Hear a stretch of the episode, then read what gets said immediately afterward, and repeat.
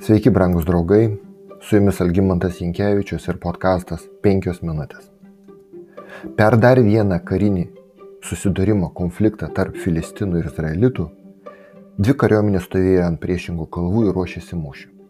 Tada iš Filistinų tarpo išėjo kovotojas vardu Galijotas. Tai buvo tikras milžinas. Biblijoje sakoma, kad jo ūgis buvo šeši uolikčiai ir sprindis arba kiti vertimai sako colis. O tai šio laikiniu požiūriu yra apie 3 metrus. Įsivaizduokite, kokią baimę šis milžinas pasėjo. Apsiginklavęs iki dantų jis išėjo ir pasuko link Izraelio stovyklos sakydamas, kodėl turėtumėte stoti į kovą. Argi aš ne Filistinas, o jūs argi ne Sauliaus tarnai. Išsirinkite iš savo tarpo vyrą, testoja jis prieš mane. Jei jis mane nugalės ir užmuš, mes tapsime jūsų vergais.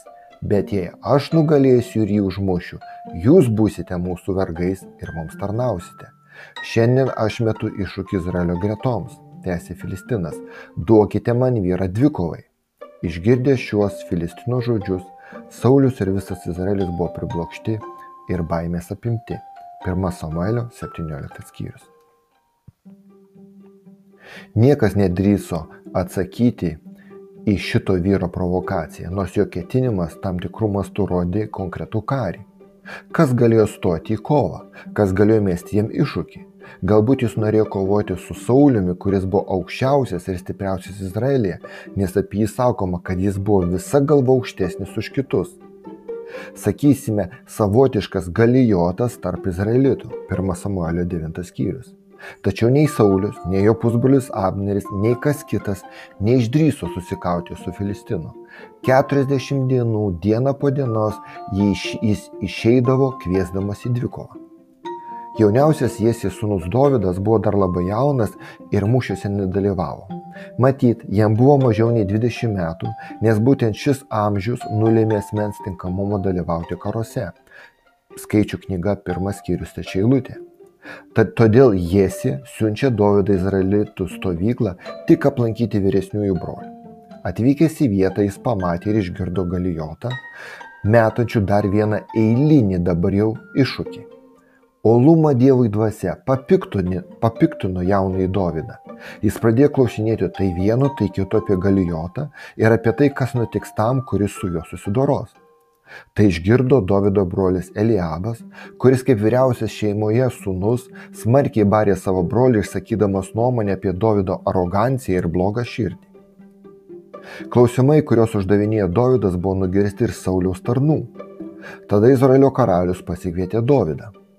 Jaunojo Dovido entuzijazmas Sauliui atrodė nepagristas. Jis netikėjo, kad Dovydas grįž gyvas iš kautinių su galijotu. Tačiau Saulis nebandė Dovydai tikinti jį persigalvoti.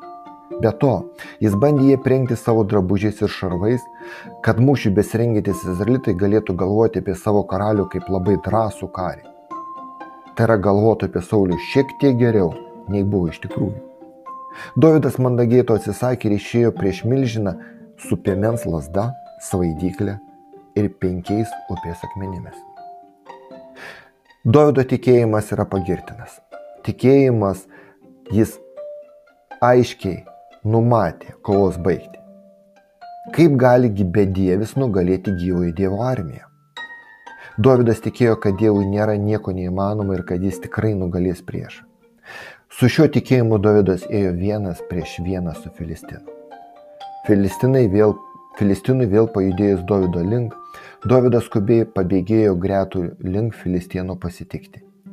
Įkišęs ranką į maišelį Dovydas išsėmė vieną akmenį, sviedė į svaidyklę ir pataikė Filistinui į kaktą. Akmuo įstrigo jam į kaktą ir jis pagriuvo veidų žemę. Ta diena Dovydas iškovojo tris pergalės. Pirma, Jis iškovojo pergalę prieš save, kai neatsakė savo broliui Eliabui jo grubo, grubumą ir pasmerkimą. Jis išlaikė ramybę. Antra, jis nugalėjo baimę. Saulis perspėjo, kad jis negali eiti į dvikovą su tuo, kuris yra stipresnis, labiau patyręs mūšį. Bet Dovydas nuėjo, nes pasitikėjo Dievu, kuris jį sustiprino. Trečia, jis nugalėjo priešą kareivijų viešpaties vardu. Brangus draugai, paprastas akmuo iš upės drąsa ir įgūdžiai. Bei nuoširdus tikėjimas amžinuoju dievu tą dieną išmokė izraelitus ir visus mus šiandien pamokos kurios negalima pamiršti net jei mes asmeniškai nesižavime dovydu ir jo tikėjimu ir pasitikėjimu dievu. Su jumis buvo penkios minutės ir algimantas jankevičius